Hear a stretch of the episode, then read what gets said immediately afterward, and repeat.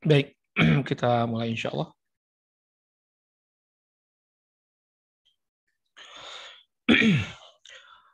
Bismillahirrahmanirrahim. Innal hamdalillah nahmaduhu wa nasta'inuhu wa nastaghfiruh wa na'udzu billahi min shururi anfusina wa min sayyiati a'malina. May yahdihillahu fala mudilla lah wa may yudlil fala hadiyalah. Ashhadu an la ilaha illallah wahdahu la syarika lah wa ashadu anna Muhammadan abduhu wa rasuluh. Allahumma salli wa sallim ala nabiyyina Muhammad wa ala alihi wa sahbihi wa man ittaba'a hudahu ila yaumiddin amma ba'd. Saudaraku kaum muslimin yang semoga senantiasa dirahmati oleh Allah. Assalamualaikum warahmatullahi wabarakatuh. Alhamdulillah, puji dan syukur tak henti-hentinya kita panjatkan kepada Allah Subhanahu wa taala atas segala nikmat yang telah Allah Subhanahu wa taala anugerahkan kepada kita semua, terutama nikmat taufik dan hidayahnya sehingga sampai saat ini kita masih bisa melaksanakan amal ketaatan kepada Allah Subhanahu wa taala. Mudah-mudahan Allah Subhanahu wa taala menganugerahkan keistiqomahan kepada kita semua. Salawat serta salam semoga senantiasa tercurah kepada junjungan kita Nabi Muhammad, kepada keluarga, para sahabat, dan pengikut beliau hingga akhir zaman. Saudaraku kaum muslimin yang semoga dirahmati oleh Allah, insya Allah di kesempatan malam hari ini waktu Indonesia atau di siang hari waktu UK, kita akan kembali melanjutkan pelajaran kita membahas sirah dari para sahabat Rasul Shallallahu Alaihi Wasallam Allah alaihim ajmain. Insya Allah di kesempatan kali ini kita akan bahas biografi dari sahabat yang mulia Zaid bin Thabit radhiyallahu taala anhu. Zaid bin Thabit radhiyallahu taala beliau adalah salah seorang pencatat wahyunya Rasulullah Shallallahu alaihi wa alihi wasallam. Jadi ada sahabat yang namanya Zaid ibn Harithah, ada sahabat yang namanya Zaid ibn Thabit, ada sahabat namanya Zaid bin Al-Khattab. Jadi banyak ya sahabat yang namanya Zaid. Ya, Zaid ibn Harithah itu anak angkatnya Nabi Shallallahu alaihi wasallam kalau Zaid ibn Thabit itu pencatat wahyu, Zaid bin Al-Khattab itu saudara laki-lakinya Umar bin Khattab radhiyallahu taala anhu. Nah, kali ini kita akan bahas biografi Zaid ibn Thabit. Zaid ibn Thabit radhiyallahu taala anhu. Ya, silakan persiapkan uh, catatannya, dicatat uh, biografi beliau ya mungkin ada faedah-faedah yang bisa kita dapati dari kisah kehidupan beliau Ya, kita akan mulai sebagaimana biasa kita akan mulai dengan pembahasan tentang nasab beliau. Eh, disebutkan oleh Al-Imam Az-Zahabi rahimahullahu taala dalam Syiar Alamin Nubala bahwa Zaid ini ya nama lengkap beliau adalah Zaid bin Thabit bin Ad-Dhahaq bin Zaid bin Laudhan bin Amr bin Abdi Aufin bin Ghanam bin Malik bin An-Najjar bin Tha'labah. Kita ulangi sekali lagi nasab beliau Zaid bin Thabit bin Ad-Dohak bin Zaid bin Laudhan bin Amr bin Abdi Auf bin Ghanam bin Malik bin An-Najjar bin Tha'labah bin Sa'labah. Beliau radhiyallahu taala anhu termasuk eh, apa dari Bani Najjar. Jadi Bani Najjar ini memiliki hubungan kekerabatan dengan Rasul Shallallahu alaihi wasallam karena ibu dari kakek beliau Abdul Muttalib adalah seorang wanita dari Bani Najjar. Ya. Ini dahulu eh, mungkin sudah pernah kita sampaikan di biografi beberapa orang sahabat dari Bani Najjar, Rasulullah Shallallahu Alaihi Wasallam ini memiliki seorang kakek buyut yang bernama Hashim. Kemudian Hashim ini menikah dengan seorang wanita dari Bani Najjar yang bernama Salma. Kemudian dari pernikahan mereka berdua lahirlah seorang anak yang diberi nama Syaibah. Diberi nama Syaibah karena ketika itu ada rambutnya yang berwarna putih. Kemudian Syaibah ini uh, uh, hidup bersama ibunya di kota Madinah yang ketika itu dikenal dengan nama Yathrib. Dan Hashim kembali ke kota Makkah. Kemudian Hashim meninggal dunia tanpa ada orang yang tahu bahwa dia meninggalkan seorang anak di kota Madinah yang bernama Syaibah.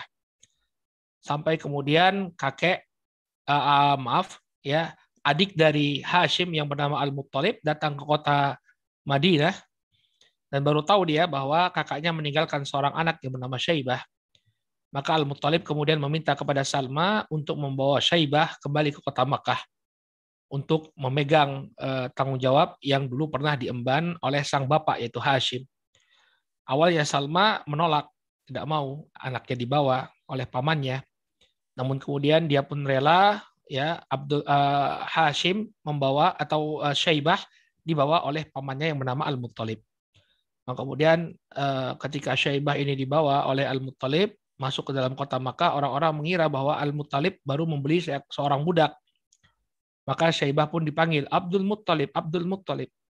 Ini hambanya Al-Muttalib, hambanya Al-Muttalib. Maka melekatlah nama baru bagi Syaibah. Beliau pun dikenal dengan panggilan Abdul Muttalib. Ini kakeknya Rasul Shallallahu Alaihi Wasallam.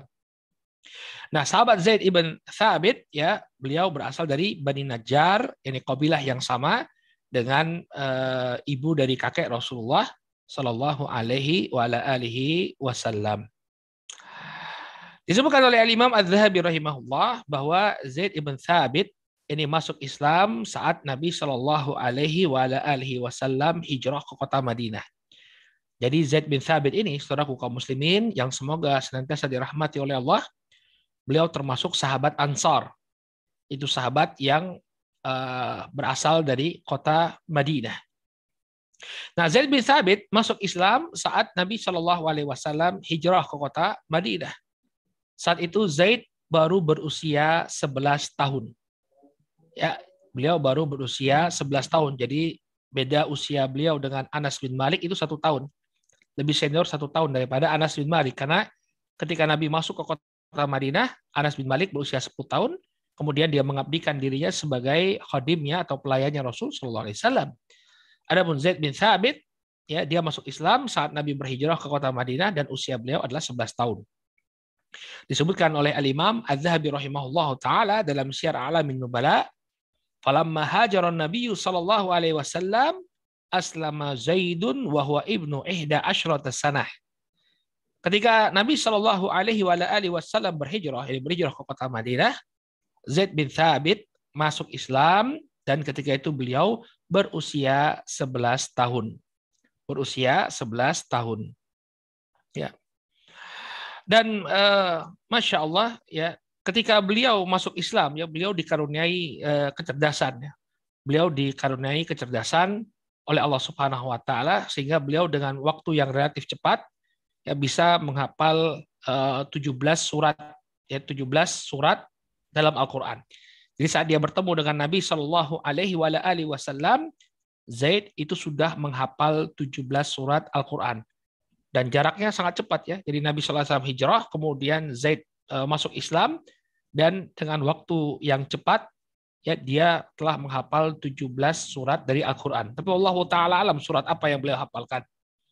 Disebutkan dalam Syiar Alamin Nubala ya eh, ketika eh, beliau yakni Nabi Shallallahu alaihi wasallam masuk ke dalam kota Madinah faqalu eh, penduduk kota Madinah mengatakan ya Rasulullah hadza gulamun min Bani Najjar qad qara'a mimma unzila alaika sab'a asyrata surah. Ya, ini para penduduk kota Madinah mengatakan, wahai Rasulullah, ini adalah anak dari Bani Najjar. Dan sungguh dia telah menghafalkan apa yang telah diturunkan kepadamu ya sebanyak 17 surat. 17 surat Al-Quran telah dihafalkan oleh Zaid bin Thabit radhiyallahu taala anhu. Kemudian apa kata Zaid bin Thabit? Faqara'tu ala Rasul sallallahu alaihi wasallam fa'ajabahu dzalik. Maka aku pun membacakan 17 surat tersebut di hadapan Rasul Shallallahu Alaihi Wasallam. Maka kemudian uh, Rasul Shallallahu Alaihi Wasallam kagum dengan uh, kagum dengan apa yang aku baca. Artinya kagum dengan uh, bacaannya Zaid bin Thabit. Waqal kemudian dia mengatakan, ya Zaid, ta'allam li kitab Yahud fa inni wallahi ma ala kitabi maka ketika Nabi Shallallahu Alaihi Wasallam berada di kota Madinah, ya beliau harus berinteraksi dengan orang-orang Yahudi. Dan beliau tidak percaya dengan orang-orang Yahudi. Orang-orang Yahudi dikenal dengan karakter mereka yang suka berkhianat. Beliau kemudian mengatakan kepada Zaid, "Ya Zaid, ya ta'allam li kitab Yahud." Wahai Zaid, coba kau pelajari ya aksaranya orang-orang Yahudi. Karena aku sesungguhnya wallahi ya tidaklah merasa aman dari mereka. Jadi Nabi SAW ketika berinteraksi dengan orang Yahudi ya beliau perintahkan Zaid bin Thabit untuk belajar bahasa Yahudi, demikian juga belajar aksara Yahudi, belajar untuk menulis uh, dengan tulisan orang-orang Yahudi. Ya. Disebutkan dalam sebuah hadis yang diriwayatkan oleh Al Imam Abu Daud ya dari uh, Kharijah Kharijah yakni Ibnu Zaid bin Thabit jadi uh, salah seorang anaknya Zaid bin Thabit nanti ada yang namanya Kharijah dan beliau adalah seorang ulama dari kalangan tabi'i. Dia banyak meriwayatkan hadis dari bapaknya. Maka kata Imam Abu Daud, Imam Abu Daud membawakan sanatnya sampai kepada Kharijah, putranya Zaid bin Thabit. Dia mengatakan, qala Zaid bin Thabit, Zaid bin Thabit pernah mengatakan, Amaroni Rasulullah sallallahu alaihi wasallam fata'allamtu lahu kitab Yahud. Zaid bin Thabit mengatakan, Nabi Shallallahu Alaihi Wasallam pernah memerintahkanku untuk mempelajari ya uh, aksara orang-orang Yahudi atau tulisan orang-orang Yahudi. Fata'allamtu lahu kitab Yahud. Maka aku pun pelajari ya tulisannya orang-orang Yahudi untuk Rasulullah Shallallahu Alaihi Wasallam. Wa qala inni wallah ma amanu Yahuda ala kitabi. Ya, maka kata Nabi Shallallahu Alaihi Wasallam sesungguhnya aku tidaklah merasa aman kepada orang-orang Yahudi terhadap tulisanku. Artinya Nabi Wasallam tidak merasa aman kalau misalnya beliau mengamanahi orang Yahudi. Saya ingin menuliskan ini, tolong tuliskan dalam bahasa Yahudi. Beliau tidak merasa aman, ya tidak merasa aman. Makanya beliau pilih orang yang eh, apa? Orang yang eh, bisa belajar dengan cepat dan bisa beliau percaya Akhirnya jatuhlah pilihan tersebut kepada Zaid bin Thabit karena Nabi melihat kecerdasan Zaid bin Thabit radhiyallahu taala anhu. Ya. Karena dakwah yang diberikan oleh Nabi Shallallahu alaihi wasallam yaitu dakwah yang sifatnya universal. Ya beliau terkadang mengirimkan surat ya mengirimkan surat ya kepada orang-orang atau kepada raja-raja, penguasa-penguasa yang ada di sekitar Jazirah Arabiyah. Ya, maka beliau perlu ada orang-orang yang amanah, ya orang-orang yang amanah. Demikian juga ketika beliau membuat perjanjian, ya membuat perjanjian, ya terkadang beliau uh, perlu orang-orang yang mengetahui bahasanya orang-orang Yahudi, maka beliau menunjuk Zaid bin Thabit. Ya, makanya ada sebuah faedah ya, kisah yang disebutkan uh, di biografinya Syekh Muhammad bin Saleh Al Utsaimin rahimahullah taala. Jadi suatu ketika uh, Syekh Muhammad bin Saleh Al Utsaimin ini pernah memberikan ceramah dalam bahasa Husa. Bahasa Husa ini bahasa yang dipakai oleh sebagian suku di uh, Afrika. Maksudnya begini, beliau berceramah dalam bahasa Arab, kemudian bahasa apa ceramah beliau ini diterjemahkan dalam bahasa Husa karena yang beliau sedang dakwahi ini adalah orang-orang dari Afrika. Maka setelah beliau memberikan ceramah, selesai memberikan ceramah, ada orang yang mengadu kepada Syekh Muhammad bin Saleh Utsaimin ya wahai Syekh uh, apa apakah engkau tadi dalam ceramahmu memuji uh, mazhab Tijaniyah? Ya karena sesungguhnya tadi diterjemahkan diterjemahkan oleh si penerjemah engkau memuji uh, apa memuji Torekoh Tijaniyah. Ini Torekoh Tijaniyah ini Torekoh ya yang memiliki beberapa penyimpangan dan itu berkembang pesat di daerah Afrika. Maka kata Syekh saya tidak tidak ada pujian sama sekali terhadap Torekoh Tijaniyah. Ya ternyata apa penerjemahnya tidak amanah, penerjemahnya e, berkhianat dalam menerjemahkan ceramahnya Syekh Muhammad bin Saleh Al Utsaimin. Nah, kemudian beliau mengatakan ya kalau saya bisa belajar bahasa Hausa, saya akan sampaikan itu dalam bahasa Hausa. Ya. Oleh karena itu beliau termasuk yang yang apa e, mendorong ya untuk kita itu belajar bahasa Inggris ya. Bahasa Inggris tentunya untuk dakwah ya, karena bahasa ini adalah bahasa yang universal, bahasa yang kita bisa pergunakan untuk mengajak manusia kepada jalan Allah Subhanahu wa taala. Dan bahasa apa pun itu ya, ketika dia menjadi wasilah dakwah, maka uh, mustahab hukumnya bagi kita untuk mempelajari bahasa tersebut. Misalnya kita ingin uh, berdakwah ya di daerah-daerah yang mereka lebih bisa menerima dakwah dengan bahasa daerah tertentu, maka ya, disukai bagi kita untuk mempelajari bahasa tersebut. Ya, misalnya ingin ceramah kepada orang-orang Perancis, ya belajar bahasa Perancis, atau ingin berceramah kepada orang-orang yang berbahasa Mandarin, belajar bahasa Mandarin itu bagus. Ya, itu bagus.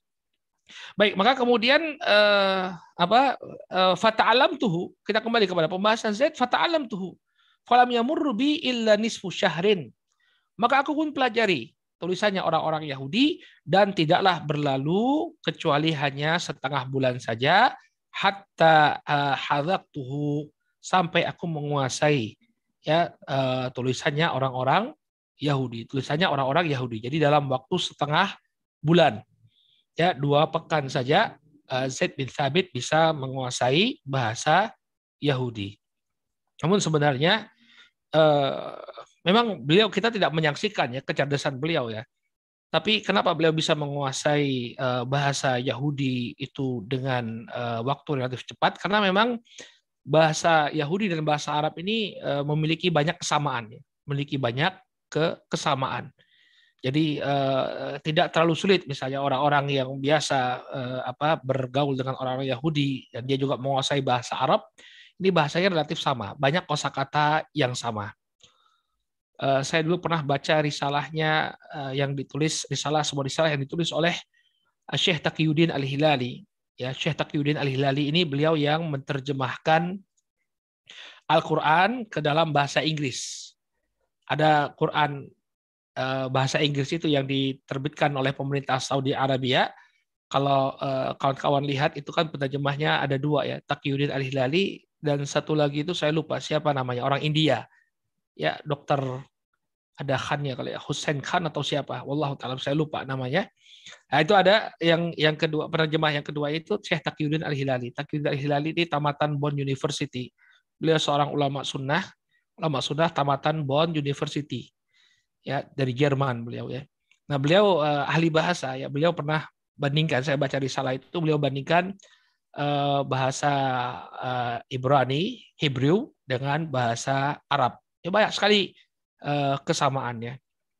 Seperti mereka manggil abati itu bapak saya itu ya.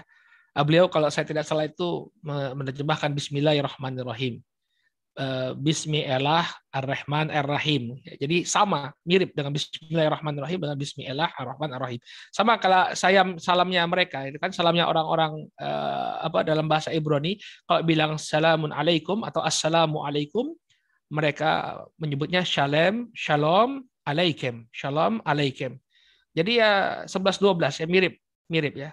Kita bilang assalamualaikum, mereka bilang shalom alaikum. Shalom alaikum. Jadi tidak terlalu banyak perbedaan antara bahasa Yahudi ya bahasanya orang-orang Yahudi Hebrew dengan bahasa Arab.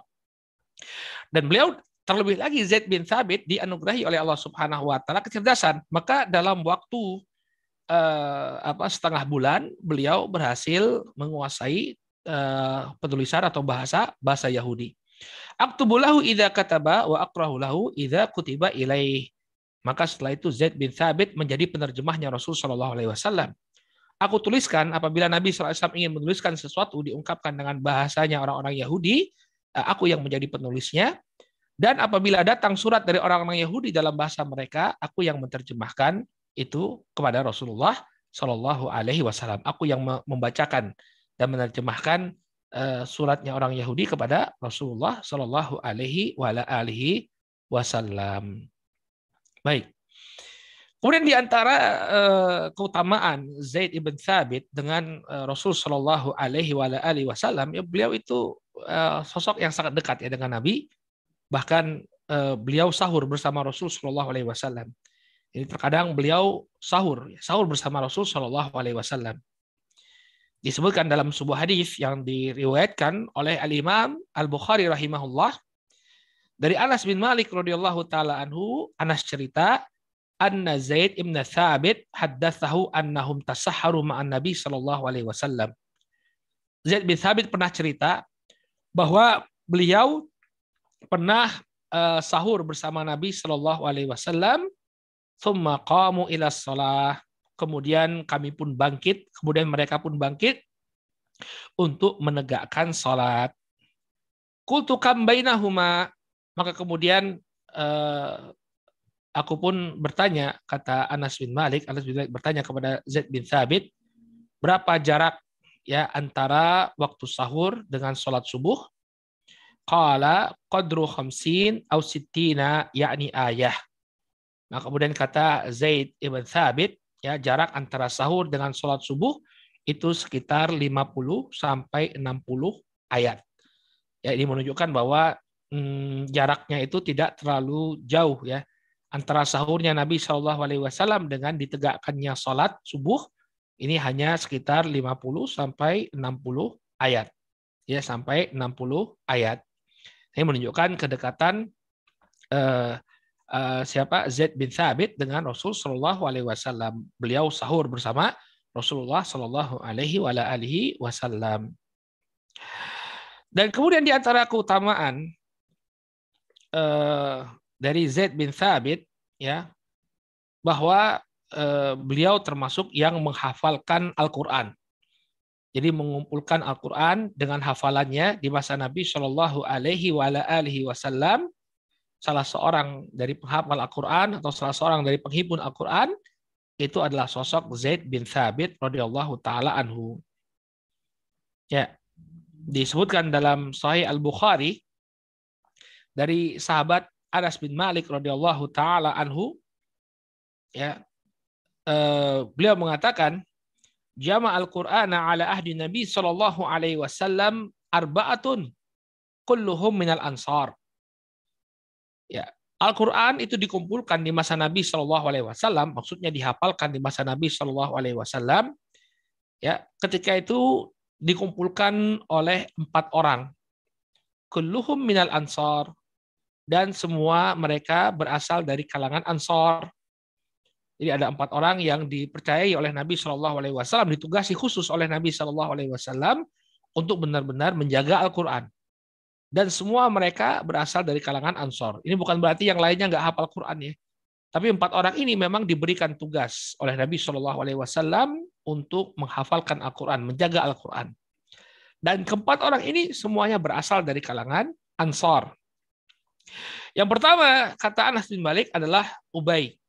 Ini Ubay bin Kaab. Ya, Ubay bin Kaab. Qala wa Mu'ad bin Jabal. Kemudian Mu'ad bin Jabal Kemudian yang ketiga wa Abu Zaid. Yang ketiga adalah Abu Zaid dan yang keempat wa Zaid ibn Thabit. Wa Zaid bin Thabit dan Zaid bin Thabit. Kemudian ada orang yang bertanya ya, kalau Ubay bin Ka'ab, Mu'ad bin Jabal dan Zaid bin Thabit ini namanya sudah ma'ruf. Dikenal oleh kaum muslimin. Tapi Abu Zaid siapa Abu Zaid? Maka orang pun bertanya kepada Anas bin Malik radhiyallahu taala anhu, "Man Abu Zaid? Siapa Abu Zaid?" Qala ahadu umumati. Ya, kemudian kata Anas bin Malik, eh, Abu Zaid adalah salah seorang paman dari sebelah bapakku. Paman dari sebelah bapakku. Ya ini empat orang yang ditugaskan oleh Nabi Shallallahu Alaihi Wasallam eh, sebagai apa penghafal Al-Quran. Orang-orang yang benar-benar eh, menjaga Al-Quran. Kemudian di antara peran yang besar yang dilakukan oleh eh, apa Zaid bin Thabit bahwa beliau pernah ditugaskan oleh Abu Bakar As-Siddiq untuk mengumpulkan Al-Qur'an, untuk mengumpulkan Al-Qur'an. Jadi saat Nabi Shallallahu alaihi wasallam itu meninggal dunia barakallahu fikum Al-Qur'an belumlah terkumpul menjadi satu mushaf yang utuh. Ketika itu Al-Qur'an masih uh, dalam bentuk hafalan ya di dada-dada para sahabat.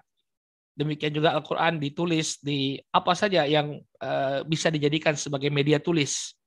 Ada yang menulisnya di pelepah kurma, ada yang menulisnya di lembaran kulit, ada yang menulisnya di batu. Nah, di masa Abu Bakar As-Siddiq radhiyallahu taala anhu dikumpulkanlah Al-Qur'an tersebut menjadi satu mushaf dan Zaid bin Thabit memiliki peranan yang sangat signifikan dalam pengumpulan Al-Quran menjadi satu mushaf. Kisahnya disebutkan dalam Sahih Al-Bukhari.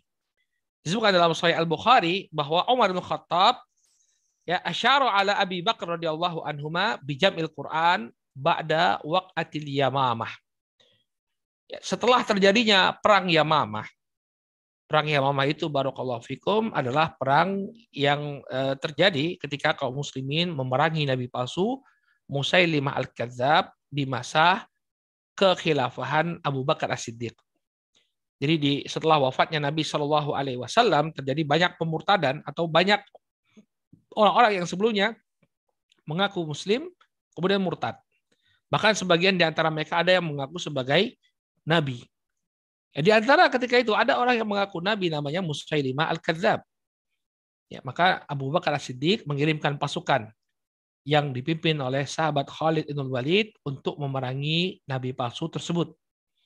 Ya, makanya perang tersebut eh, karena terjadi di Yamamah, di daerah yang terletak di Najd di bagian eh, timur ya, di bagian timur Jazirah Arabiyah ya maka terjadilah peperangan eh, ada kota namanya kota Yamamah atau wilayah namanya Yamamah di situlah terjadi perang yang demikian sengit. Saat itu banyak di antara para sahabat penghafal Al-Quran yang meninggal dunia. Maka Al-Quran ini menurut Umar bin Khattab radhiyallahu taala anhu perlu dikumpulkan perlu didokumentasikan. Maka asyara ala Abi Bakar radhiyallahu anhu bi jam'il Quran ba'da waqatil Yamamah. Setelah terjadinya perang Yamamah Umar uh, memerintahkan atau mengusulkan kepada Abu Bakar As-Siddiq untuk mengumpulkan Al-Qur'an. Fatawaqafa ya tawarruan. Maka awalnya uh, Abu Bakar As-Siddiq diam. Artinya dia tidak mengikuti apa yang diinginkan oleh Umar. Ya, kenapa? Karena pengumpulan Al-Qur'an ini ya tidak dilakukan oleh Nabi sallallahu alaihi wasallam. Nabi sallallahu alaihi wasallam tidak melakukannya. Namun di sana ada kemaslahatan yang sangat besar. Ya, kalau para penghafal Al-Quran ini mereka berjihad kemudian gugur di medan Allah, ya di, di medan jihad, ya visabilillah, maka bisa jadi Al-Quran ini nanti lama-lama hilang karena penghafal Al-Quran ini hilang. Maka dia perlu didokumentasikan. Awalnya Abu Bakar merasa ragu. Sampai kemudian Umar terus-menerus meyakinkan sampai kemudian Allah Subhanahu wa taala lapangkan dadanya Abu Bakar Siddiq radhiyallahu taala Akhirnya dia setuju dengan idenya Umar bin Khattab untuk mengumpulkan Al-Quran menjadi satu mushaf. Qala fa'arsala ila Zaid ibn Thabit fa'atah. Maka kemudian Abu Bakar pun mengirimkan utusan kepada Zaid bin Thabit. Ya, memanggil Zaid bin Thabit untuk datang menghadap. Wa indahu Umar. Ya, kemudian uh, datanglah menghadap uh, Zaid bin Thabit dan ketika itu di samping Abu Bakar Siddiq ada Umar Kemudian dia mengatakan Abu Bakar Siddiq mengatakan inna karajulun syabun akilun. Ya, la natahimuk. Sesungguhnya engkau adalah seorang laki-laki yang masih muda. Ya, karena masih muda ya, relatif masih muda. Saat Nabi Shallallahu alaihi wasallam meninggal dunia, Zaid itu usianya baru 22 tahunan. Baru 22 tahunan, 21 atau 22 tahunan. Masih muda. Yang engkau adalah uh, uh, seorang laki-laki yang masih muda dan seorang yang cerdas. Kami tidak meragukan lagi meragukan dirimu. Waqad kunta taktubul wahya di Rasul sallallahu alaihi wasallam. Dan dahulu engkau adalah uh, orang yang menuliskan wahyu untuk Rasul sallallahu alaihi wasallam. Ya, fa tataba al-Qur'an fajma'hu. Maka kemudian kata Abu Bakar As-Siddiq radhiyallahu taala sekarang coba kau kumpulkan Al-Qur'an. Kau cari Al-Qur'an tersebut ya kumpulkan Al-Quran dan kumpulkanlah dia menjadi satu mushaf. Kemudian dia ambil, ya, dia mengumpulkan Al-Quran, entah itu dari uh, apa yang ditulis di pelepah-pelepah kurma, lembaran-lembaran kulit, dan juga dari dada-dada manusia. Sehingga terkumpullah Al-Quran tersebut menjadi satu mushaf. Fakanat as-suhuf inda Abi Bakar hatta tawafahullah. Maka Al-Quran tersebut dipegang oleh Abu Bakar sampai kemudian Allah Subhanahu wa taala mewafatkan Abu Bakar Siddiq. Thumma inda Umar hayatahu kemudian uh, naiklah Umar jadi khalifah maka Al-Qur'an itu dipegang oleh Umar radhiyallahu taala anhu ya thumma inda Hafsah binta Umar ya thumma inda Hafsah binti Umar radhiyallahu anhuma ya, dan kemudian mushaf tersebut dipegang oleh Hafsah putranya, putrinya Umar radhiyallahu taala anhu ya radhiyallahu taala anhu. Jadi uh, inilah asal muasal terkumpulnya Al-Qur'an menjadi satu mushaf. Ya, jadi kita uh, sekarang barakallahu fikum uh, tidak lepas ya apa yang kita nikmati sekarang Al-Quran menjadi satu mushaf, terkumpul jadi satu mushaf, ini tidak lepas dari jasa Zaid bin Thabit yang mendapatkan perintah dari Khalifah Abu Bakar As-Siddiq untuk menyusun Al-Quran atau mengumpulkan Al-Quran menjadi satu mushaf. Jadi satu mushaf. Nah, nah kemudian barakallahu fiikum eh, di masa ya kekhilafahan uh, Uthman bin Affan, uh, terjadi khilaf di sebagian para sahabat ya dalam membaca Al-Quran. Jadi ketika itu penaklukan yang dilakukan oleh kaum muslim ini semakin meluas. Islam mulai tersebar sampai ke daerah Azerbaijan yang dahulu termasuk wilayah dari wilayah Imperium Persia. Ya ketika itu para sahabat mereka menghafalkan Al-Quran dengan dialek bahasa mereka masing-masing. Jadi ketika itu terjadi sedikit perbedaan bacaan ya antara sahabat yang Quraisy dengan sahabat-sahabat Ansor ya mereka eh, dalam membaca Al-Quran terjadi eh, perbedaan.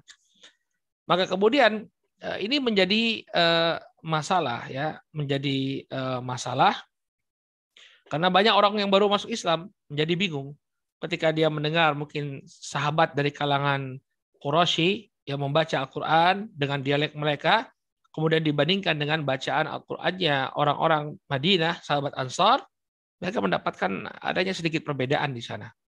Maka mereka bingung. Ya, mereka bingung dan eh, para sahabat pun kemudian mengusulkan kepada Uthman bin Affan radhiyallahu taala anhu ya untuk membuat mushaf standar. Untuk membuat mushaf standar. Maka lagi-lagi Zaid bin Thabit ya ditugaskan ya oleh uh, Umar oleh siapa? Oleh sahabat Uthman bin Affan untuk mengumpulkan Al-Qur'an atau membuat Quran standar. Hanya saja ketika terjadi perbedaan antara bacaan orang Ansar dengan bacaan Quraisy, maka yang diambil adalah eh, apa bacaannya orang-orang Quraisy. Kata eh, apa kata Utsman ketika itu beliau membuat tim ya satu tim itu ada empat orang. Ya salah satunya adalah Zaid bin Thabit, adapun tiga orang lainnya ini berasal dari kalangan Ansor. Maka Utsman mengatakan kepada eh, sahabat-sahabat Quraisy, ya idza ikhtalaftum antum wa Zaid bin Thabit fi syai' min al-Qur'an faktubuhu bilisani Quraisy. Kalau ada perbedaan bacaan antara kalian bertiga dengan Zaid bin Thabit, maka tulislah Al-Quran itu sesuai dengan dialeknya orang Quraisy. Fa innama nazala bilisanihim. Ya, karena sesungguhnya Al-Qur'an itu diturunkan dengan dialeknya orang-orang Quraisy. Maka kemudian ditulislah Al-Qur'an itu sesuai dengan dialeknya orang-orang Quraisy. Ya. Ini di antara Eh, keutamaan dari Zaid bin Thabit. Ternyata di masa kekhilafan Utsman bin Affan pun eh, dia berperan dalam eh, membuat mushaf standar. Ya, mushaf standar yang kemudian mushaf ini dibagi-bagikan ke seantero atau ke segala penjuru negeri ketika itu. Jadi dibuat Al-Quran mushaf standar Utsman bin Affan yang kemudian dibagi-bagikan ke daerah-daerah yang berhasil ditaklukkan oleh kaum muslimin, oleh kaum muslimin. Baik. Kemudian di antara keutamaan dari Zaid bin Thabit ya, bahwa Zaid bin Thabit ini uh, pernah menjadi wakilnya Umar bin Khattab.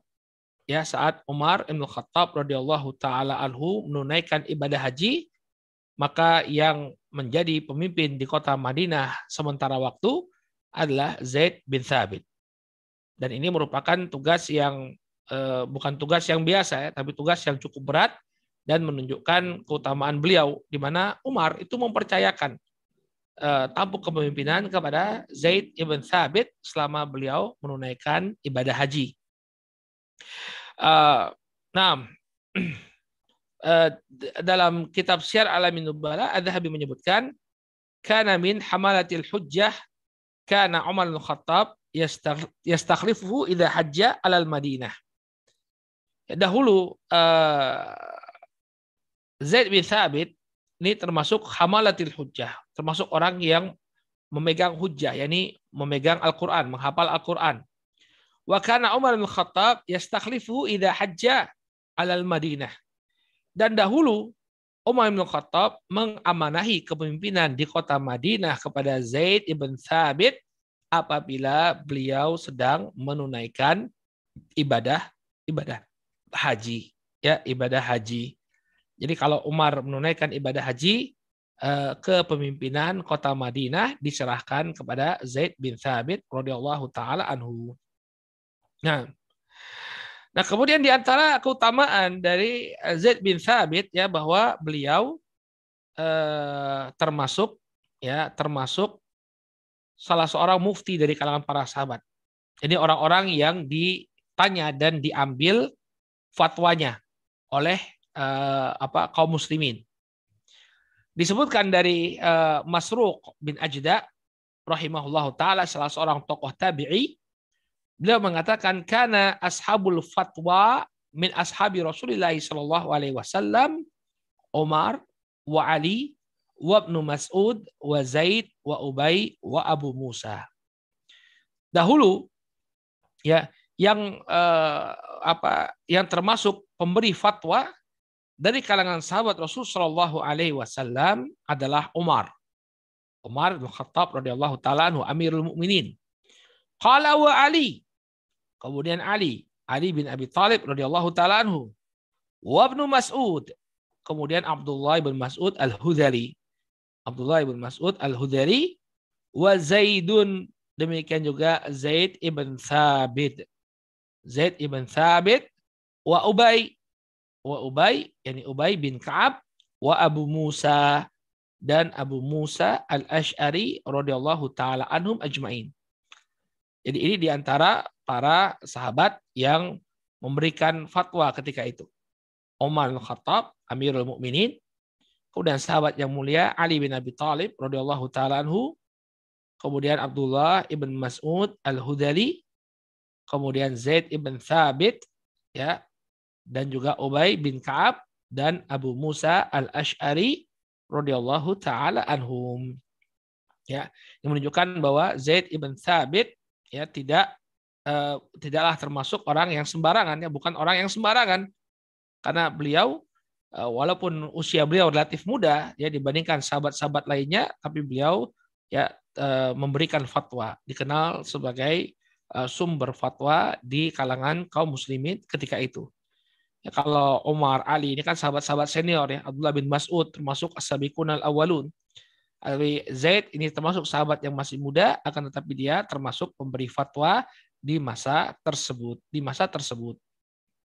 Nah, dan uh, Zaid ibn Thabit ya, dia yang uh, apa? yang meriwayatkan hadis tentang keutamaan orang yang menyampaikan atau menghafalkan hadis Rasulullah SAW dan menyampaikan hadis.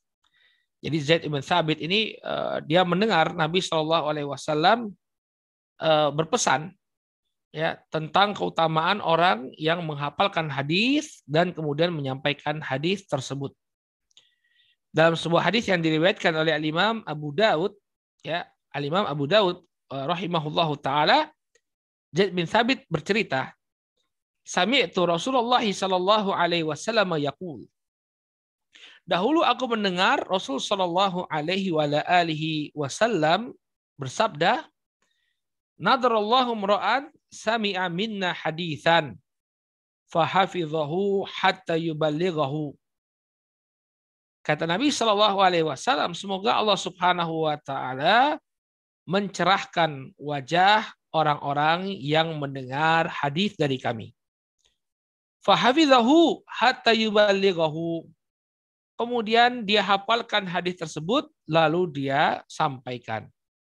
Ini hadis yang menunjukkan keutamaan para penghafal hadis. Semoga Allah Subhanahu wa taala mencerahkan wajah orang-orang yang menghafalkan hadis Rasulullah SAW, kemudian dia sampaikan. Dalam sebagian riwayat dikatakan hatta yuballighahu kama sami' ya dia sampaikan hadis tersebut sebagaimana apa yang dia dengar. Qala wa rubba hamili fiqhin ila huwa afqah minhu. Ya. Dan uh, betapa banyak ya orang yang membawa uh, fikih dia bawakan fikih tersebut kepada orang yang lebih fakih. Artinya ada orang yang uh, menghafalkan sebuah ilmu lalu dia sampaikan ilmu tersebut kepada seseorang yang orang ini lebih cerdas, lebih fakih daripada gurunya. Jadi jangan uh, kita selalu berasumsi bahwa murid itu lebih podoh daripada guru. Ya terkadang ada murid yang lebih cerdas daripada sang guru. Maka betapa banyak orang yang membawa fikih, dia bawa fikih tersebut, dia bawa ilmu tersebut kepada orang yang lebih cerdas, lebih pintar dan lebih berilmu daripada dirinya. Wa rubba hamili fiqhin laisa bifaqih. Dan betapa banyak orang yang menyampaikan riwayat, tapi dia bukanlah merupakan orang yang faqih. Jadi dia eh, dia menghafalkan hadis Nabi Shallallahu Alaihi Wasallam, namun terkadang dia nggak paham apa fikih dari hadis tersebut. Tapi dia hafal. Ya, dan ini uh, bukan suatu celah ya, artinya bukan suatu celah, artinya kita uh, harus paham semua dari apa yang kita hafal karena Anda menghafalkan hadis Nabi SAW kemudian menyampaikan sebagaimana yang Anda hafalkan itu juga satu keutamaan. Apalagi kalau Anda hafal hadis kemudian paham maknanya ya Anda paham maknanya Anda bisa ajarkan ini lebih utama lagi. Tapi sekedar dengan menghafal saja ini sudah memiliki keutamaan, sudah memiliki keutamaan. Ya, ini yang dihafalkan oleh Zaid bin Thabit dari Rasulullah Sallallahu Alaihi wa ala alihi Wasallam. Ya. Kemudian Zaid bin Thabit ya karena beliau adalah seorang yang fakih, seorang yang cerdas, seorang alim dari kalangan para sahabat dan tadi kita sebutkan bahwa beliau adalah seorang salah seorang mufti pemberi fatwa, maka beliau memiliki uh, banyak murid-murid. Bahkan di antara uh, murid-murid beliau adalah para sahabat itu sendiri. Karena Zaid ibn Ibn Thabit ini yang dekat dengan Nabi Shallallahu Alaihi Wasallam, para sahabat pun banyak yang berguru kepada beliau, mengambil hadis Rasul Shallallahu Alaihi Wasallam dari Zaid ibn Thabit radhiyallahu taala anhu. Ya, Imam Az-Zahabi menyebutkan ini satu hal yang unik dari Zaid bin Thabit ketika uh, menyebutkan tentang Zaid bin Thabit atau murid-muridnya siapa saja orang yang mengambil ilmu ya mengambil periwayatan dari Zaid bin Thabit disebutkan oleh Az-Zahabi rahimahullah haddatsa anhu ya Abu Hurairah.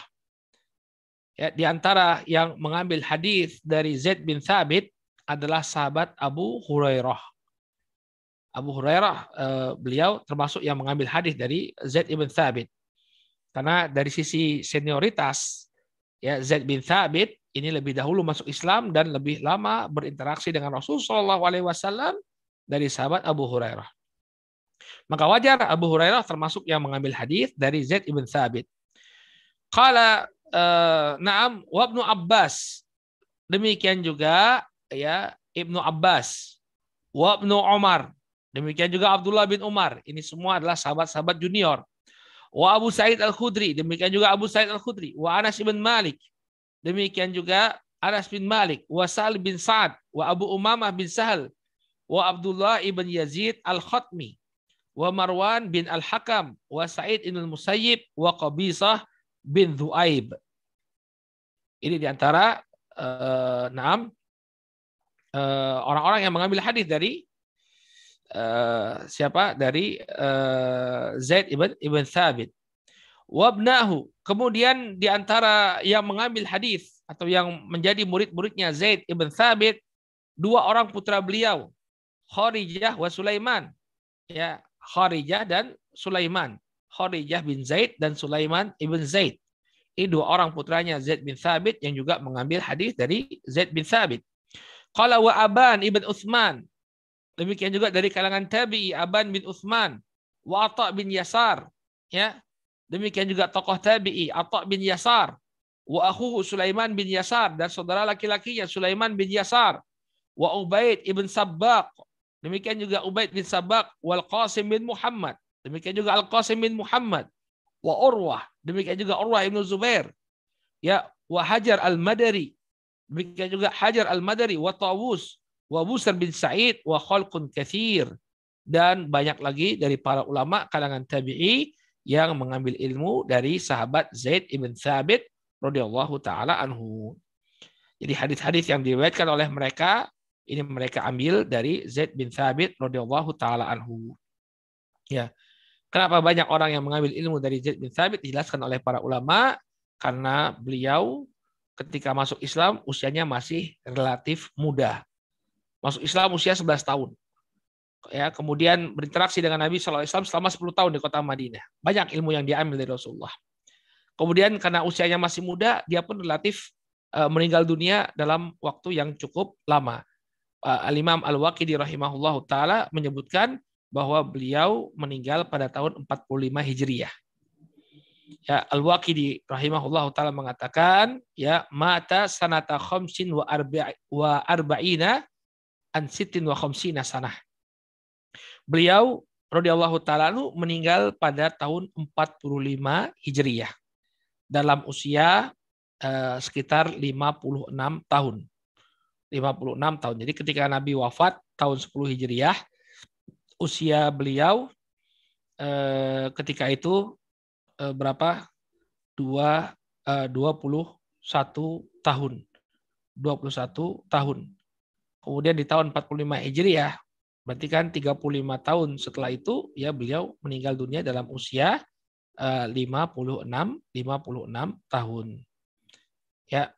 Maka eh, inilah Zaid ibn Thabit ya beliau mewariskan ilmu yang demikian banyak dan di antara putra beliau yakni Kharijah Kharijah uh, bin Zaid ya ini adalah salah seorang ulama terbesar ya salah seorang ulama besar dari kalangan tabi'in dan salah satu di antara tujuh ulama fikih Madinah di di masanya. Ya ini uh, sedikit tentang sahabat Zaid ibn Thabit radhiyallahu taala uh, dari kehidupan beliau ya kita bisa mengambil satu pelajaran bahwa ilmu ini menjadi peninggalan yang sangat bermanfaat. Betapa banyak orang-orang yang mengambil ilmu dari sahabat Zaid bin Thabit ya karena keilmuan dia terhadap Al-Qur'an maka beliau menjadi sumber rujukan umat ya orang-orang pun mengambil Al-Qur'an dari Zaid bin Thabit demikian juga mengambil hadis dari Nabi Shallallahu alaihi wasallam ya sehingga hendaknya kita pun bersemangat untuk menyampaikan ilmu agama untuk menyampaikan ilmu agama dan uh, keutamaan menyampaikan ilmu agama ini sangatlah banyak disebutkan dalam Al-Qur'an dan juga dalam hadis Nabi Shallallahu alaihi wasallam di antaranya adalah apa yang disebutkan dalam hadis Muslim, riwayat Muslim dari Abu Hurairah, Nabi SAW mengatakan, "Idza mata ibnu Adam in qata'a amaluhu illa min thalath." Apabila seorang anak Adam itu meninggal dunia, maka terputuslah amalannya kecuali tiga perkara. Ya, yang pertama adalah sedekah jariyah, ini apa yang dia wakafkan. Kemudian yang kedua, ilmu yuntafa'u bihi, ilmu yang bermanfaat. Kemudian yang ketiga, waladun salihun yadu'ulah, anak yang soleh yang mendoakannya. Maka jadikanlah ilmu ini sebagai salah satu investasi akhirat kita. Barang siapa yang dia e, memiliki ilmu dan memiliki kemampuan untuk menyampaikan ilmu, maka dia sampaikan. Lihat bagaimana sahabat Zaid bin Thabit telah mewariskan ilmu yang demikian luas kepada generasi setelahnya sampai kepada kita semua. Wallahu taala a'lam bisawab. Mungkin ini yang bisa kita sampaikan berkenaan dengan biografi sahabat yang mulia Zaid ibn Thabit radhiyallahu taala anhu. Mudah-mudahan yang disampaikan bermanfaat dan menginspirasi kita untuk semakin bersemangat dalam menuntut ilmu agama. Wallahu taala a'lam bissawab. Kami silahkan kembali ke moderator, silahkan. Terima kasih Ustaz. Alhamdulillah Um, saya ingatkan kembali kepada teman-teman jika ada pertanyaan silahkan raise hand atau kirim message baik yang sesuai dengan topik maupun di luar topik. Ini ada pertanyaan baru hanya satu nih Ustaz yang masuk. Ya, silakan. Ya, share screen. Bismillahirrahmanirrahim. Assalamualaikum Ustaz. Uh, apakah ada ada kisah atau sejarah mungkin riwayat maksudnya?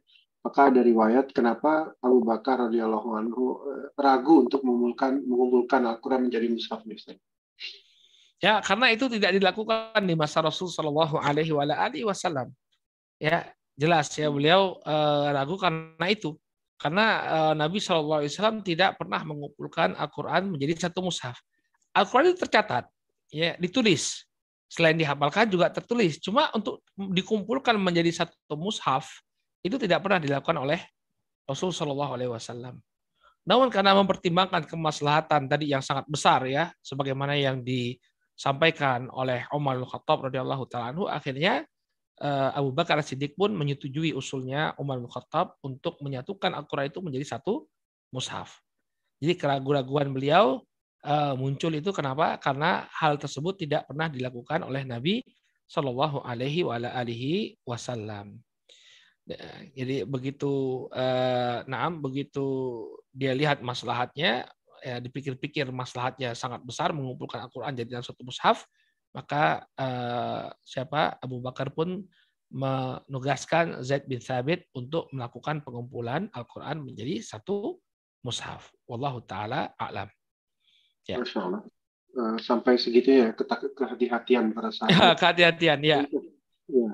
Ya Abu Bakar Siddiq kita ketahui ya karakter beliau memang seperti itu ya. Jadi eh, apa kehati-hatian beliau itu sangatlah luar biasa ya, sangatlah luar biasa ya.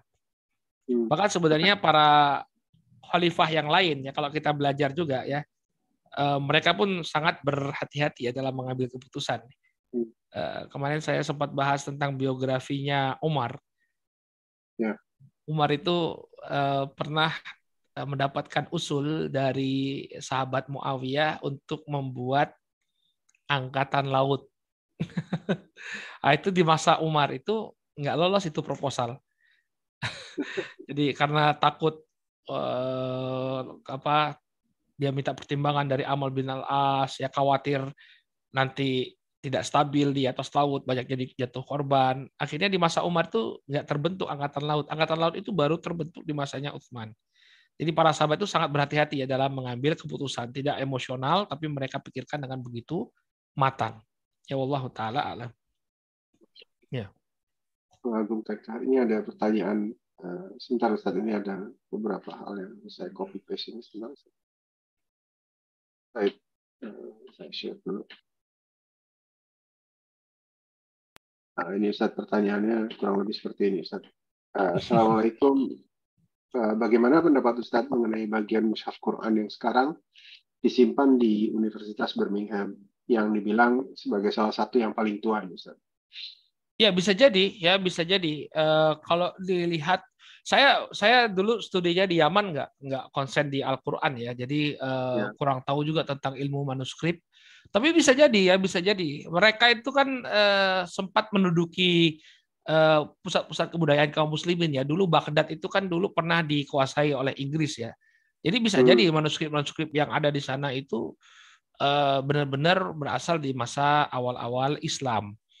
Ya, hmm. uh, potongan-potongan manuskrip itu. Apalagi kalau melihat khotnya ya bisa jadi ya. Karena khot zaman dulu itu mereka tidak memiliki harokat ya di awal-awal Islam itu penulisan Al-Qur'an atau bahasa Arab secara umum ya itu tidak menggunakan titik dan harokat. Jadi kalau misalnya ada tulisan tidak ada titik dan harokatnya bisa jadi itu berasal di awal-awal Islam. Ya jadi eh, pemberian apa titik dan harokat itu di masa-masa ya masa-masa belakangan ya di masa-masa belakangan kemungkinan besarnya itu di masa kekhilafahan Bani Abbas ya di dinasti Abbasiyah. Jadi kalau zaman dulu memang tidak ada titik. Jadi kalau misalnya dilihat manuskrip itu nggak ada titik, nggak ada harokat, bisa jadi itu dari awal-awal Islam. Ada satu manuskrip juga yang eh, termasuk yang tua ya dengan uji karbon itu ya kembali kepada masa tabiin atau masa-masa awal Islam itu tersimpan di kota Bukhara di Uzbekistan. Cuma khotnya itu sudah eh, khot khot kufah ya, khot kufi. Jadi kemungkinan besar itu ditulis bukan di masa-masa awal, tapi setelah penaklukan ya, setelah Kufah itu berhasil dikuasai oleh kaum muslimin, kemudian Kufah itu berhasil, berhasil menjadi salah satu apa berubah menjadi salah satu pusat ilmu agama, maka ditulislah dengan hot kufi tadi. Ya, mungkin eh, teman-teman bisa cek eh, mushaf Uzbekistan ya kalau saya tidak salah ya. Mushaf Uzbekistan coba di dicek di googling itu ada Ya, Mushaf Uzbek. Uzbekistan. Mushaf Uzbekistan.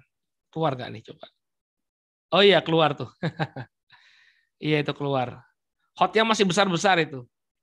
Tapi khotnya udah kufi ya, udah kufi ya. Artinya uh, tulisannya itu aksaranya itu aksara yang sudah belakangan ya. Kalau yang oh. di Birmingham itu lebih awal daripada yang di Tashkent. Ya, yang di, di Uzbekistan. Itu ada tuh. Ya. Alhamdulillah.com sudah saya share di chat supaya bisa. Tebal itu musafnya itu. Ya. Oh, jadi penambahan harokat itu baru di ke zaman Khalifahan Ibnu Abbas ya, Ustaz? Iya, Khalifahan Abbasiyah, ya, Khalifahan Abbasiyah. Ya, Abbasiyah. Jadi dia, di, ini penambahan ini untuk apa nih, Ustaz? Karena kan e, kalau orang Arab dia bisa baca itu baca bahasa apa tulisan Arab itu tanpa ada e, tanpa ada apa namanya e, titik ada titik harokat itu orang Arab asli mereka bisa baca ada nilai rasanya mereka ada instingnya ada ya. ada nilai rasanya sehingga bisa baca itu dengan tanpa harokat tapi orang-orang ajam orang-orang non Arab mereka sulit sehingga dibantu dengan titik tadi sehingga dibedakanlah oh. antara jim, ha, ho. Jim, ha itu dulu ditulis sama. Makanya ada kisah. Hmm. Ini menarik juga ini, uh, Pak Roshid ya. Ada orang yang uh, mati karena dia belajar tanpa guru. Cuma memanfaatkan bacaan saja. Ini sering dijadikan uh, perumpamaan dalam adab tolibul ilm. Jadi kalau belajar agama itu hendaknya bagusnya itu belajar dididik dengan apa di belajar dibimbing oleh guru. Jadi ada orang yang baca sebuah hadis. Hadisnya itu uh, sebenarnya berbunyi habbatus sauda daun likulid dawa. Ya, habbatus sauda daun likulid dawa. Uh, habbatus sauda yakni jinten hitam itu merupakan obat bagi segala penyakit. Cuma dia salah baca habbatus sauda tadi dia baca hayatus sauda. Hayatus sauda maknanya apa? Ular hitam. Maka karena dia salah baca tadi, hayatus sauda, ya harusnya dibaca habatus sauda, karena eh, ba dan ya itu bedanya di titik ya kan. Kalau ba itu satu titik di bawah, kalau ya kan dua titik. Dia ya. salah baca. Hayatus sauda, di, habatus sauda dibaca hayatus sauda. Maka diambil ular hitam, kemudian dia makan ular hitam tersebut karena dia sakit, ya bukannya sembuh tapi dia malah tewas. Makanya eh, perlu adanya titik, ya titik yang benar agar orang itu benar-benar bisa eh, mendapatkan makna yang diinginkan. Itu di antara sebabnya. Kenapa kemudian dikasih titik dan harokat. Coba lihat eh, ada, coba lihat surat Rasulullah kepada Kaisar Romawi ya surat Rasulullah kepada Kaisar Romawi. Raja Heraklius itu ya? Ya, kepada Heraklius. Coba lihat manuskripnya. Nah, itu kan tidak ada Coba lihat, tidak ada titik sama sekali ini. Tidak ada titik sama sekali. Kalau misalnya eh, Pak Rosid dapat itu coba ditampilkan. Ada, ada, ada Ustaz. Nah itu Bismillahirrahmanirrahim. Itu tulisan awal Bismillahirrahmanirrahim. Mana ada titiknya? Enggak ada titiknya sama sekali. Ya. Nah, ya. Saya besarkan sebentar. Saya besarkan dulu. Ya. Nah itu. Itu yang paling atas tuh bacaan basmalah itu. Bismillahirrahmanirrahim. Tapi coba basnya, bisnya nggak ada tulisannya, baknya. Ya. Ya. Atau bisa baca nggak itu Pak Rasid? karena karena apa familiar dengan ininya jadi dan barusan Ustaz sampai. Oke, okay, bismillahirrahmanirrahim. Next, next setelah bismillahirrahmanirrahim apa? Rasulullah. Rasulullah. Min Muhammadin Rasulillah. Ila ya ila Hirokla. Ya, ila Hirokla. Oh, nggak ada ya. Ya. Adimir Rum. susah ini ya. Romawi ya, susah. Oke. Jadi itu pemberian itu untuk memudahkan uh, seperti kita kita yang di luar uh, bukan orang, orang Arab. Arab. Ya, nah kita eh, orang Arab tuh agak lebih mudah untuk mem membaca. Oh, ada ada yang sudah dikasih titik nih Ustaz. Iya, ini ada di Muhammadin Abdullah wa rasulihi ila hirokla adimir rum salamun ala manitaba al huda manitaba uda. Ini jadinya kalau sudah dikasih titik seperti ini ya, Ustaz. Iya. min Muhammadin Abdullah wa Rasuluhu ya ilahi rokla azimir rum salamun ala manittaba'a al-huda. Iya, itu udah ah, itu udah dititikin, itu udah bagus itu, udah bisa apa. Kita ya. bisa baca baik baik baik. Masya Allah. Ya. Um, mungkin sebelum ini ada pertanyaan di luar topik, tapi sebelum itu, Pak Ustaz, ini uh, apakah sahabat Zaid bin Sabit ini uh, dalam riwayat atau dalam sejarahnya pernah ikut peperangan selama Rasulullah SAW masih hidup, Ustaz? Di perang oh, Allah Taala alam dalam biografi beliau ya ya mungkin mungkin beliau mengikuti perang bersama Nabi Shallallahu Alaihi Wasallam. Cuma dalam biografi beliau uh, tidak disebutkan ya, tapi kebanyakan para sahabat itu mereka uh, mengikuti perang bersama Rasul Shallallahu Alaihi Wasallam. Nah, ya, oke. Okay.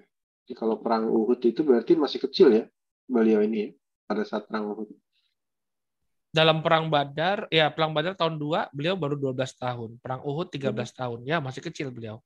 Ya, masih kecil beliau. Kalau misalnya beliau belum balik, berarti beliau nggak ikut itu. Nggak ikut ya. ya. Baik.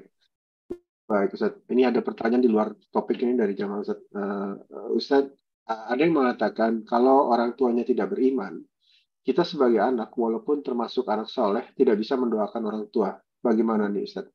Iya benar, kalau memang orang tua kita meninggal di atas kekufuran, maka eh, doa seorang anak ini tidak eh, dia tidak boleh ya, dia tidak boleh mendoakan orang tuanya. Karena hmm. itu terjadi pada Nabi Shallallahu alaihi wasallam ketika beliau ingin beristighfar untuk ibu beliau dilarang oleh Allah Subhanahu wa taala.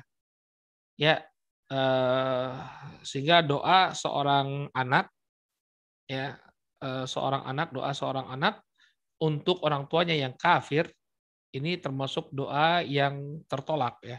Doa yang tertolak. Ada larangan dari Allah Subhanahu wa taala untuk eh, mendoakan orang yang meninggal dalam keadaan kufur kita saya uh, apa saya carikan ayatnya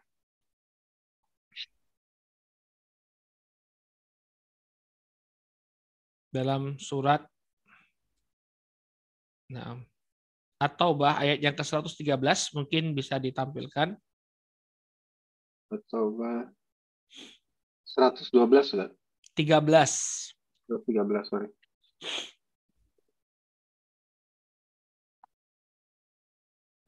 Maka nali nabi waladina amanu an yastaghfiru lil musyrikin walau kanu uli qurba min ba'di ma tabayyana lahum annahum ashabul jahim.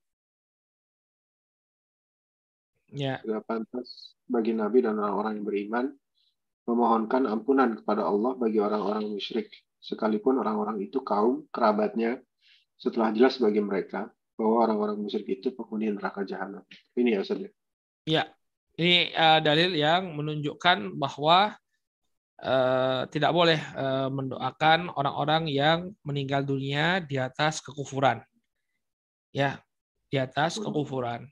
Dan Nabi Shallallahu Alaihi Wasallam ketika beliau berziarah ke kuburan sang ibu, ya beliau diperbolehkan ya, oleh Allah Subhanahu Wa Taala untuk berziarah, namun tidak diperbolehkan untuk memohonkan ampunan bagi ibunya. Ya, ini menunjukkan bahwa tidak boleh bagi kita untuk memohon ampunan. Demikian juga saat beliau minta ampunan uh, untuk paman beliau Abu Talib ya juga beliau dilarang oleh Allah Subhanahu wa taala. Ya dilarang oleh Allah Subhanahu wa taala. Nah. Um, semoga menjawab pertanyaan jamaah. Dari mungkin udah tidak ada pertanyaan, saya satu lagi nih Ustaz terakhir mm -hmm. dari saya.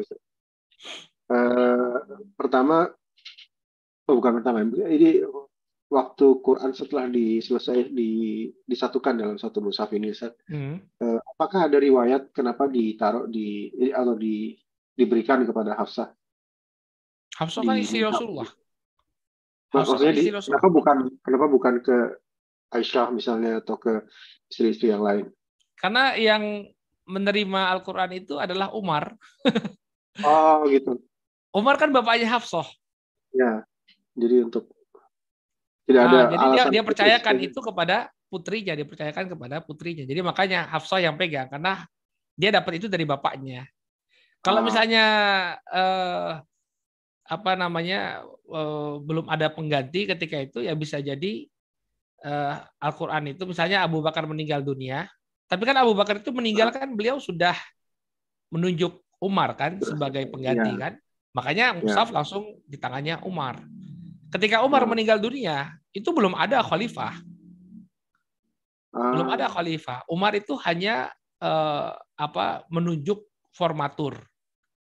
Ya, ya. menunjuk formatur enam orang yang ketika Nabi Shallallahu Alaihi Wasallam meninggal dunia, ya beliau ridho kepada enam orang tadi.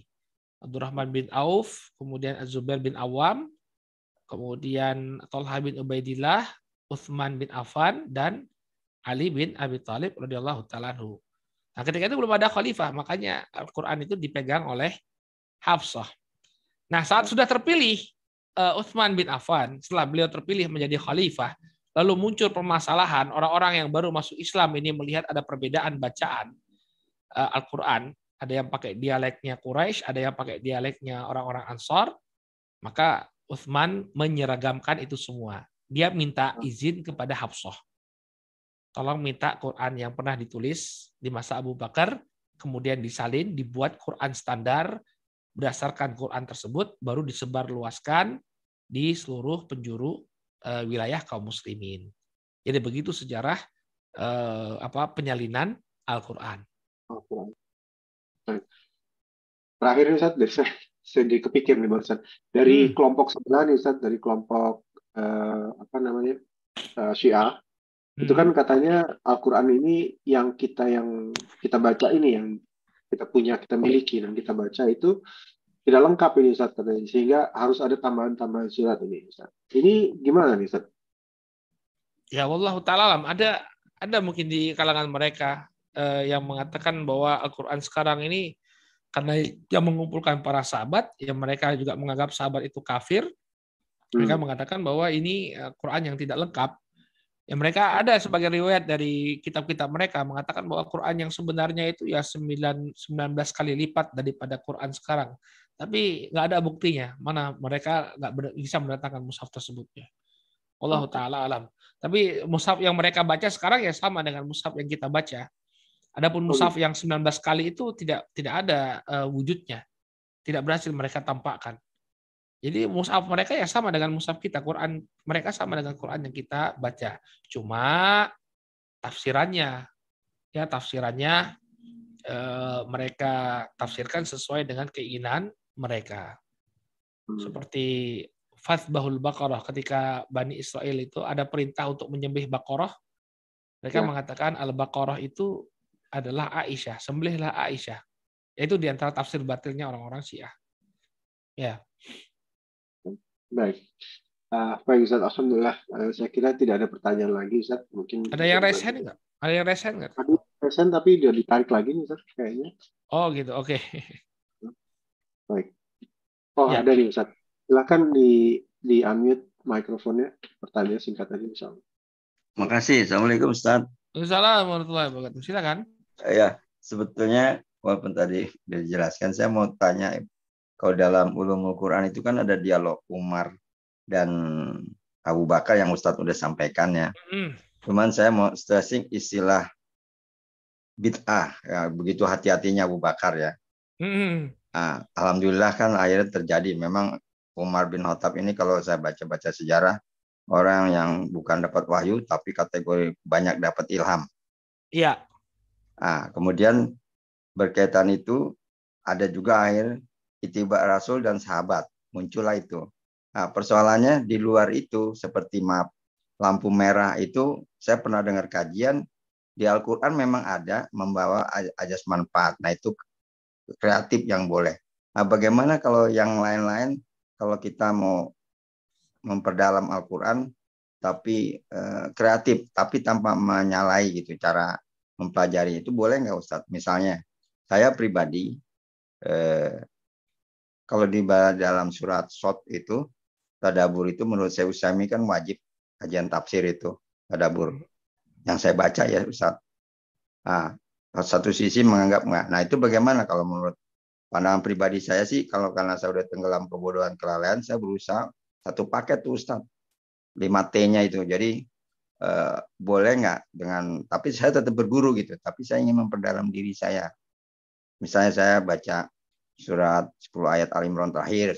Nah, itu insya Allah saya berguru udah, saya tadabur, saya coba memanai berbagai tafsir al-asar dari Jajairi misalnya.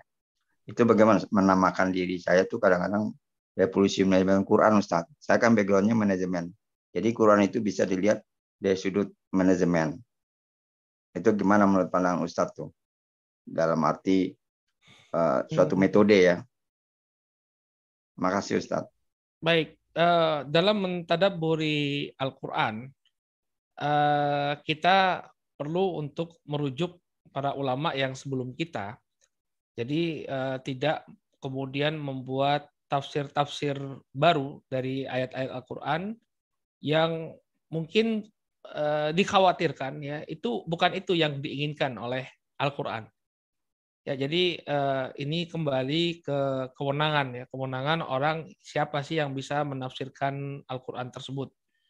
Kalau kita memang punya kemampuan untuk menafsirkan Al-Qur'an, artinya dari sisi bahasa Arab kita kuasai bahasa Arab, kemudian kita juga eh, menguasai ilmu-ilmu yang berkaitan dengan tafsir ya, ilmu balaghah, ilmu ma'ani dan ilmu-ilmu yang lainnya, demikian juga penguasaan kita terhadap ilmu hadis itu juga uh, baik ya. Jadi bisa jadi kita mentafsirkan Al-Qur'an atau membuat tafsiran dari Al-Qur'an. Dan itu pun tidak keluar dari apa yang sudah ditafsirkan oleh eh, ulama-ulama uh, terdahulu. Jadi kemungkinannya kita itu hanya menyimpulkan saja dari apa yang kita baca. Adapun membuat tafsir baru dari Al-Qur'an ini dikhawatirkan dikhawatirkan kita eh, menafsirkan Al-Qur'an tersebut Eh, tidak sesuai dengan apa yang diinginkan oleh Al-Quran karena keterbatasan ilmu ilmu kita. Jadi kita salah paham dengan ayat-ayat yang menginginkan apa, kemudian kita pun keliru dalam menafsirkan uh, suatu ayat. Jadi boleh saja mentadaburi Al-Quran, tapi lebih kepada kita mempelajari tafsir-tafsir yang sudah dituliskan oleh para ulama. Tafsir yang dituliskan oleh para ulama ini sangat banyak, ya dan uh, di antaranya adalah yang ditulis oleh ulama-ulama kontemporer ya seperti uh, yang uh, ditulis oleh ada salah seorang ulama Aljazair ya ulama uh, Tunisia ya ulama Tunisia uh, itu tafsir beliau sangat kontemporer ya bagus sekali ya. Dan uh, barang siapa yang bisa berbahasa Arab ya uh, baik sekali untuk mengkaji tafsir yang beliau tulis. Eh, saya lupa nama tafsirnya apa dan penafsirnya juga saya lupa nama nama tafsirnya apa dan la ilaha illallah siapa nama ulama. Itu bagus ya. Nah kalau misalnya kita sekedar mengumpulkan faedah-faedah dari dari tafsir-tafsir yang ditulis oleh para ulama kemudian kita jadikan sebagai bahan tadabur menjadi masalah tapi kalau kita mengcreate baru dari pemikiran kita ini yang kita khawatirkan bekal kita itu belum cukup bekal kita belum cukup untuk melahirkan sebuah tafsir yang baru, sebuah tafsir yang baru. Jadi begitu ya Pak ya. E, kalau misalnya kita punya bahasa Arab yang cukup, ya kita baca tafsir-tafsir para ulama, kemudian kita mengambil kesimpulan dari apa yang mereka tafsirkan. Jadi tidak mengcreate sesuatu yang baru, karena itu sangat e, rentan dengan kekeliruan. Ini pandangan saya, wallahu taala a'lam. Jadi maksud mentadaburi di sini kita adalah mengumpulkan tafsir-tafsir para ulama, kemudian uh, mengambil kesimpulan dari apa yang mereka sampaikan. Jadi tidak uh, mengcreate kesimpulan sendiri. Baik, wallahu taala alam. Alhamdulillah, saya kira sudah habis nih pertanyaan. Jadi mungkin mohon bantuannya Ustaz untuk di apa kesimpulan dan kita tutup Ustaz malam ini. Baik, uh, saudara kaum muslimin yang dirahmati Allah, uh, dari dari kehidupannya Zaid ibn uh, Zaid ibn Thabit radhiyallahu taala anhu kita mengetahui tentang keutamaan ya orang-orang yang berilmu, orang-orang yang menguasai Al-Qur'an, demikian juga orang-orang yang mewariskan ilmu kepada generasi selanjutnya, maka berupayalah kita ya paling tidak kita mempelajari Al-Qur'an. Karena dengan mempelajari Al-Qur'an, kita akan menjadi orang yang terbaik di sisi Allah Subhanahu wa taala. dalam hadis Utsman bin Affan radhiyallahu taala anhu dalam Sahih Al Bukhari Nabi Shallallahu alaihi wasallam mengatakan khairukum man ta'allamal Qur'an wa 'allamah. Sebaik-baik kalian adalah orang yang mempelajari Al-Qur'an dan mengajarkannya. Maka kalau kita tidak mampu untuk mengajarkan Al-Qur'an, paling tidak kita tergolong sebagai orang yang mempelajari Al-Qur'an tersebut. Ya, dan ini lebih baik lagi kalau misalnya kita sudah bisa mengajarkannya, kita ajarkan kepada orang-orang selain kita, maka mudah-mudahan ini menjadi eh, bekal yang sangat bermanfaat bagi kehidupan akhirat kita nanti. Allah taala alam bisawab. Kita cukupkan dulu sampai di sini. Bertemu lagi kita di pertemuan yang akan datang insya Allah dengan membahas biografi sahabat lainnya. Wallahu taala alam bisawab. Ya. Alhamdulillahirabbil Jazakallah khair Ustaz atas uh, waktu dan ilmunya. Mari kita tutup bersama dengan uh, suatu majelis. Subhanakallahumma wa bihamdika Asyhadu an la ilaha illa anta astaghfiruka wa atubu ilaik. Eh, semoga kajian ini bermanfaat bagi kita semua. Kami dari pengurus mohon maaf jika ada kesalahan baik dalam sikap maupun perkataan. Insya Allah kita bertemu kembali di kajian-kajian berikutnya yang diadakan oleh Rumah Dakwah UK. Barakallahu fikum. Assalamualaikum warahmatullahi wabarakatuh. Waalaikumsalam